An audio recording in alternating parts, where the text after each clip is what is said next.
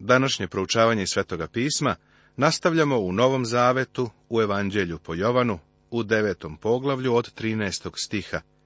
I govorimo o reakciji na čudo isceljenja slepoga odrođenja. Reakcija fariseja Odvedoše nekadašnjeg slepca farisejima, a beše subota onaj dan kada Isus načini kal i otvori njegove oči. Tada ga opet pitahu, i fariseji kako je progledao. Na onim reče, on je stavio kal na moje oči, ja se umih i vidim. Da ponovim, svedočanstvo ovoga čoveka je vrlo jednostavno. Pomislio bi da će se ovi fariseji radovati, jer je slepac progledao. Pomislio bi da će zapevati Aliluja, ali to se nije desilo sa ovom hladnokrvnom gomilom. Obrati sada pažnju na reakciju fariseja. Oni prosto ne znaju šta da rade sa čovekom koji je rođen slep, a koji se sada kreće i gleda.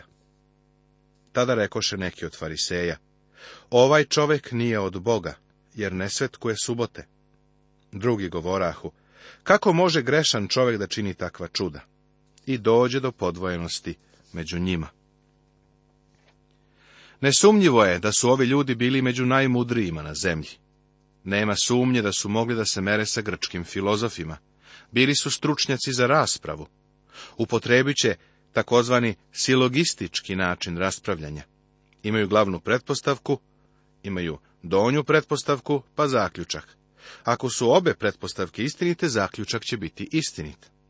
Ali ako je jedna od pretpostavki pogrešna, zaključak će biti pogrešan. Evo razmišljanja. Prvo, svi ljudi koji su od Boga drže subotu.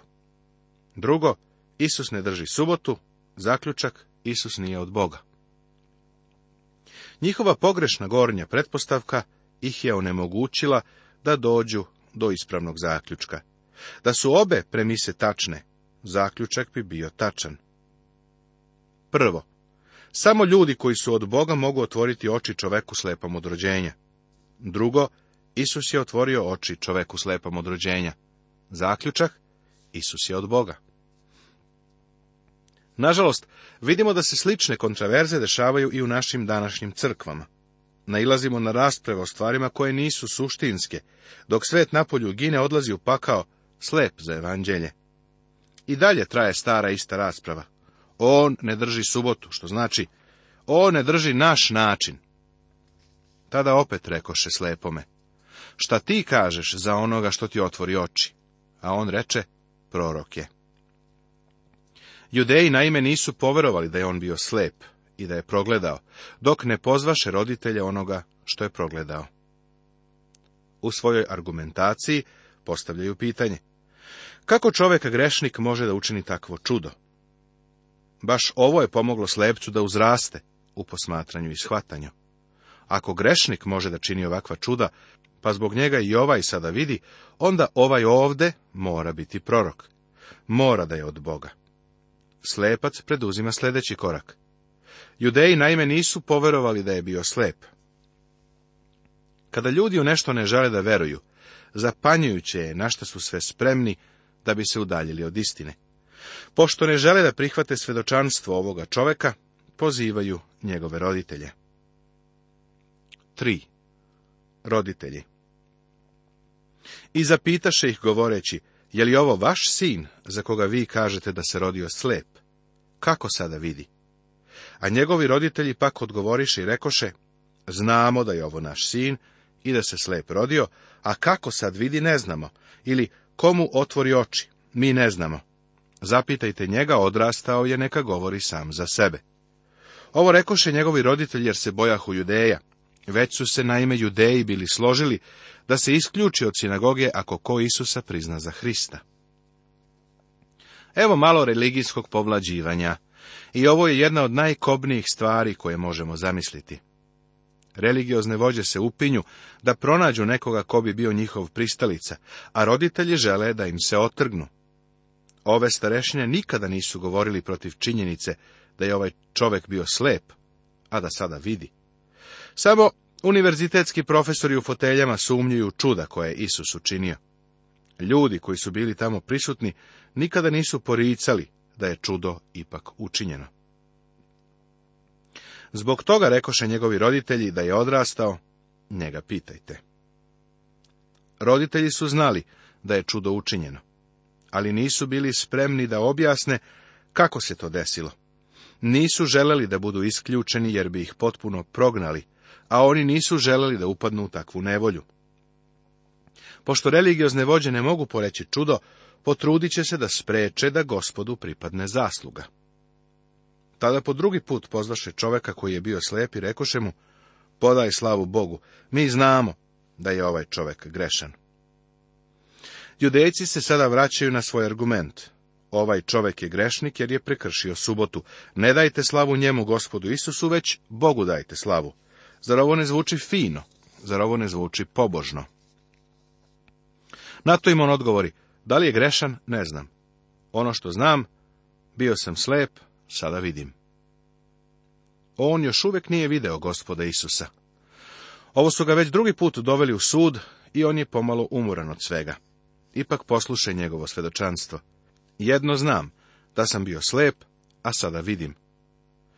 To je svedočanstvo svakog grešnika koji je doživeo spasenje. Jednom sam bio slep, a sada vidim. Jednom sam bio u duhovnoj tami, ali sam sada na duhovnom svetlu. Jednom nisam poznavao Hrista, ali ga sada poznajem kao svog spasitelja. Ne znam za tebe, ali sam umoran od dugih svedočanstava. Mislim da su mnoga od njih ulepšana, ukrašena i doterana da bi bila što privlačnija. Ponekad se naglasak stavlja na prošlost i to toliko da ljudi u svojim svedočanstvima ispadnu heroji. Bili su vođe u kriminalu, tapšali su ramena vođama bandi. Poznavali su sve velikane, bili su najgori alkoholičari, kockari i tako dalje. Zatim su čuli evanđelje i obratili su se. Ljudi koji slušaju takvo svedočanstvo odlaze kući, pozovu prijatelje i kažu, čoveče, si čuo svedočanstvo toga i toga. Baš su zaokupljeni, pričaju o toj osobi i svemu što je uradio, pa jedva spomenu Hrista. Prijatelju, značajan deo svakog svedočanstva koje želim da čujem jeste prosto ovo. Jednom sam bio slep, a sada vidim. Tada mu opet rekoše, šta ti je uradio? Kako ti je otvorio oči? Fariseji su se baš digli protiv. Daju sve od sebe da nađu bilo šta što bi iskoristili da objasne kako se čudo desilo. Ne mogu tek tako da to ostave kao što to danas rade teolozi i profesori univerziteta. Tamo je čovek i taj čovek vidi. Odgovori im. Već sam vam rekao i niste saslušali. Šta hoćete ponovo da čujete? Da nećete i vi da postanete njegovi učenici. Izgradiše ga i rekoše, ti si njegov učenik, a mi smo moji sjevi učenici. Čovek koji je bio slep počinje da shvata šta oni rade. Zato prema njima postaje sarkastičan, da nećete i vi da postanete njegovi učenici ponovo ističe značajno zapažanje. Šta hoćete ponovo da čujete?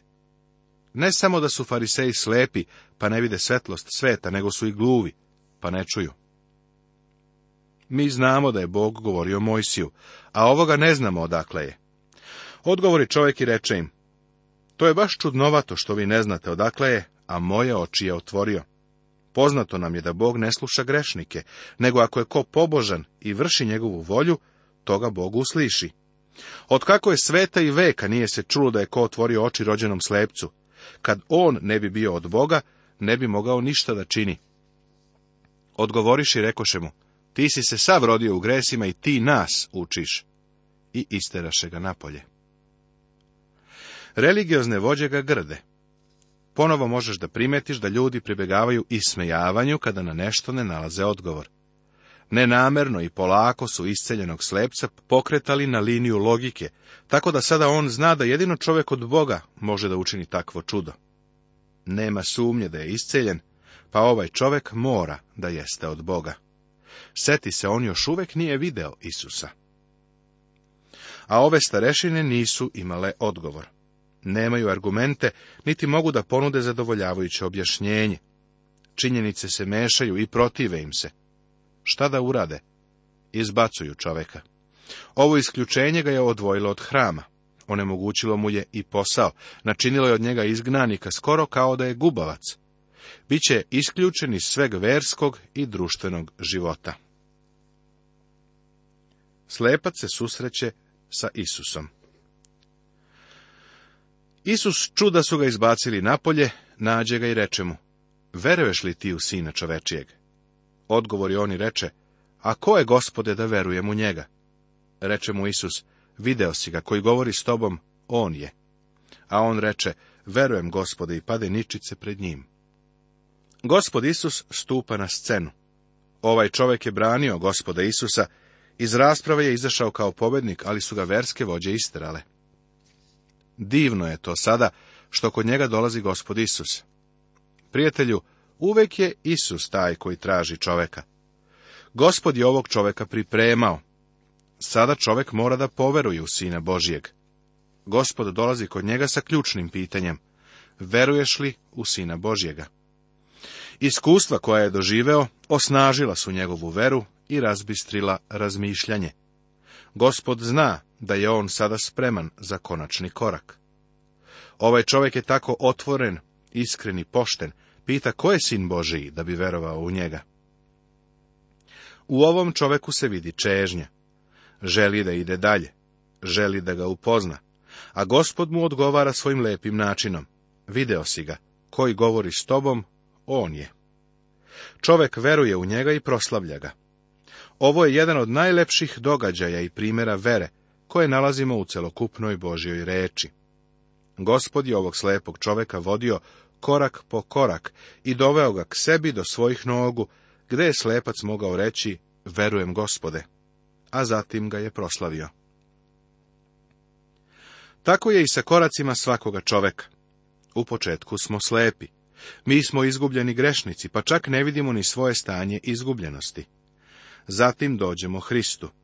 On nam se otkrije, naše oči se otvore, pa vidimo ko je On i šta je za nas učinio. Onda dolazi pitanje, veruješ li? Odgovor ovog čoveka može postati i tvoj odgovor. Verujem, gospode. Pašćeš pred njegove noge i proslavit ćeš ga. Tada reče Isus. Ja sam došao na ovaj svet za sud, da vide koji ne vide i da postanu slepi oni koji vide. Ovo delo je kao neobična izjava. Gospod kaže da ima onih koji imaju oči, a ne vide. Imaju fizičke oči, fizički vid, ali su duhovno slepi. Ako je čovek spreman da prizna da je slep, i ako dođe Isusu kao slepac, Isus će mu dati duhovni uvid. Pavle piše, a zemaljski čovek ne prima što je od Božijeg duha, jer je to za njega ludost i ne može da sazna, zato što o tome treba na duhovan način rasuđivati. Prijatelju, ako si došao u prisustvo gospoda Isusa, svetla sveta, i još uvijek govoriš šta je istina, ili prosto ne vidim da je on moj spasitelj, ili ne znam o čemu se ovdje radi, onda ni ti ne vidiš. Ti si duhovno slep. Fariseji su imali oči, mislili su da vide, bili su religiozni, predani, pa ipak slepi. Neznabošci su izgubljeni, žive u tami, Ipak, gospod Isus svakog čoveka provodi kroz korake. Ako danas ima čoveka tamo u neznaboštvu, koji želi da sazna o Isusu, gospod će se postarati da evanđelje dopre do njega. Čovek koji sedi u crkvenoj klupi i sluša propovedenje reči Božije i evanđelja, on je u prisustvu svetlosti. Ta svetlost mu otkriva slepoću. Isus je rekao, ako je dakle svetlost, koja je u tebi, tama, kolika će tama biti. Ako znaš činjenice o Isusu Hristu, svetlosti sveta, ali nećeš da veruješ, onda si prijatelju duhovno slep i nema šta da ti se ponudi. Ako si bio u prisutnosti spasitelja sveta, pa si ga odbacio, nema drugog spasitelja koji bi ti se ponudio. Neki od fariseja, koji su bili sa njim, čuše to i rekoše mu, da nismo i mi slepi reče im Isus. Kad biste bili slepi, ne biste imali greha, ali sad kažete vidimo, te vaš greh ostaje. Počeli smo sa slepim čovekom koji je isceljen i progledao i fizički i duhovno. Završavamo sa religioznim vođama ili starešinama koji su bili strašno, tragično slepi, ali su mislili da vide. U Hristovoj prisutnosti u prisutnosti svetlosti, u prisutnosti Božjeg otkrivenja, oni su rekli da nemaju greha. Neki od najdogmatičnijih ljudi danas jesu ateisti i pripadnici sekti i kultova. Kažu da vide, a slepi su, odbacuju gospoda Isusa Hrista, pa njihov greh ostaje na njima. Iako ne hodaju unaokolo sa belim štapom, slepi su. Poglavlje deseto tema. Isus je dobri pastir. Sedma reč. Ljudska priroda, Hristos u obliku sluge. Božanstvo, Hristos izjednačen sa Bogom. Ljudska priroda. Hristos u obliku sluge. Drveni tor iz tog doba u mnogim gradovima te zemlje još uvek postoji. Bio je to javni tor. Uveče su svi pastiri koji su živjeli u tom gradu dovodili svoje ovce u taj tor i uvodili ih tu preko noći. Poveravali su ih vrataru koji je čuvao ovce. Zatim bi pastiri otišli svojim kućama da prenoće. Sljedećeg jutra pastiri bi se javili i predstavili vrataru, a on bi ih pustio da prođu kroz vrata i povedu svoje ovce. Pod 1. U i tor na vrata. Zaista, zaista kažem vam, Ko ne ulazi u ovči tor na vrata, nego prelazi s druge strane, taj je lopov i razbojnik. A ko ulazi na vrata, pastir je ovcama. Tor predstavlja izraelski narod. Isus im govori da je on došao na vrata. Nastavlja i kaže da svako ko ne ulazi na vrata, nego se uvlači na neki drugi način, jeste lopov i razbojnik. Ovo je izuzetno značajna izjava koju Isus ovdje daje. On je ušao na vrata, došao je legalno. To znači došao je kao ispunjenje starozavetnih proroštava. Došao je pod zakonom. A kad je došla punina vremena, posla Bog svoga sina, rođenog od žene, koji je bio pod zakonom, kaže poslanice Galatima. Došao je u skladu sa proroštvom, iz Davidove loze, vidi Luku, prvo poglavlje. Rođen je prema proroštvu, vidi Mihe i peto poglavlje. Ne samo da je bio Davidov potomak, nego je Devičanski rođen također prema proroštvu, vidi Isaiju sedmo poglavlje. U vreme kada je rođen bio je izdanak Jeseve palice, vidi Isaiju jedanaesto poglavlje. Ovo je zanimljivo. U vreme kada je Isus došao, carska Davidova linija je pala na nivo seljaštva. Carovanja više nije bilo. Jesej je bio zemljoradnik u Vitlemu. U stvari uzgajao je ovce. Njegov sin David je pomazan uljem, pa je ta loza postala carska. Ali kada je gospod Isus rođen, bio je samo izdanak loze Jeseja, zemljoradnika. Isus je bio prosto tesar, nosio je tesarsku odeću. Kako se proroštvo precizno ispunilo? On je Mesija i došao je kroz vrata. Niko drugi nije mogao imati preporuke koje je on imao. Svako drugi bi bio lopovi razbojnik. Svi ostali nisu mogli imati punomoće Mesije, pa bi ulazili preko ograde.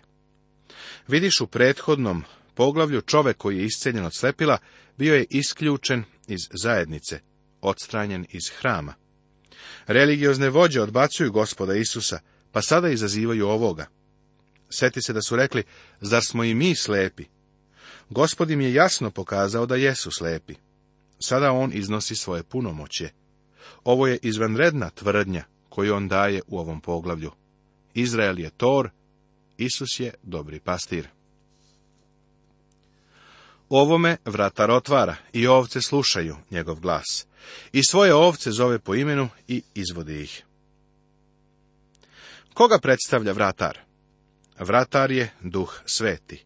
Duh Boži je došao na Isusa i sve što je Isus činio, činio je silom duha Božjega. Sveti duh je otvarao uši njegovih ovaca da bi čule njegov glas. Te ovce su odgovarale. Ovo se uklapa sa prethodnim poglavljem. One religiozne vođe su bile duhovno slepe, šta više bile su i gluve. Nisu čak ni čuli njegov glas. Ali on poziva svoje ovce po imenu i izvodi ih. Slepac je čuo kako ga Isus zove.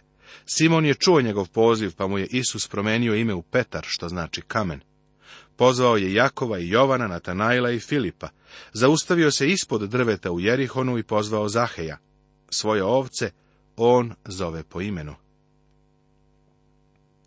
Dozvoli mi da za trenutak napravim malu digresiju i da kažem da kada gospod Isus bude pozivao svoje iz sveta u vreme uzdignuća crkve, verujem da će taj poziv u sebi sadržavati ime svakog vernika. On zna moje ime, pa će ga tada prozvati, a pozvaće i tebe ako si jedna od njegovih ovaca. U njegovom pozivu čućeš svoje ime. Nastavit će se.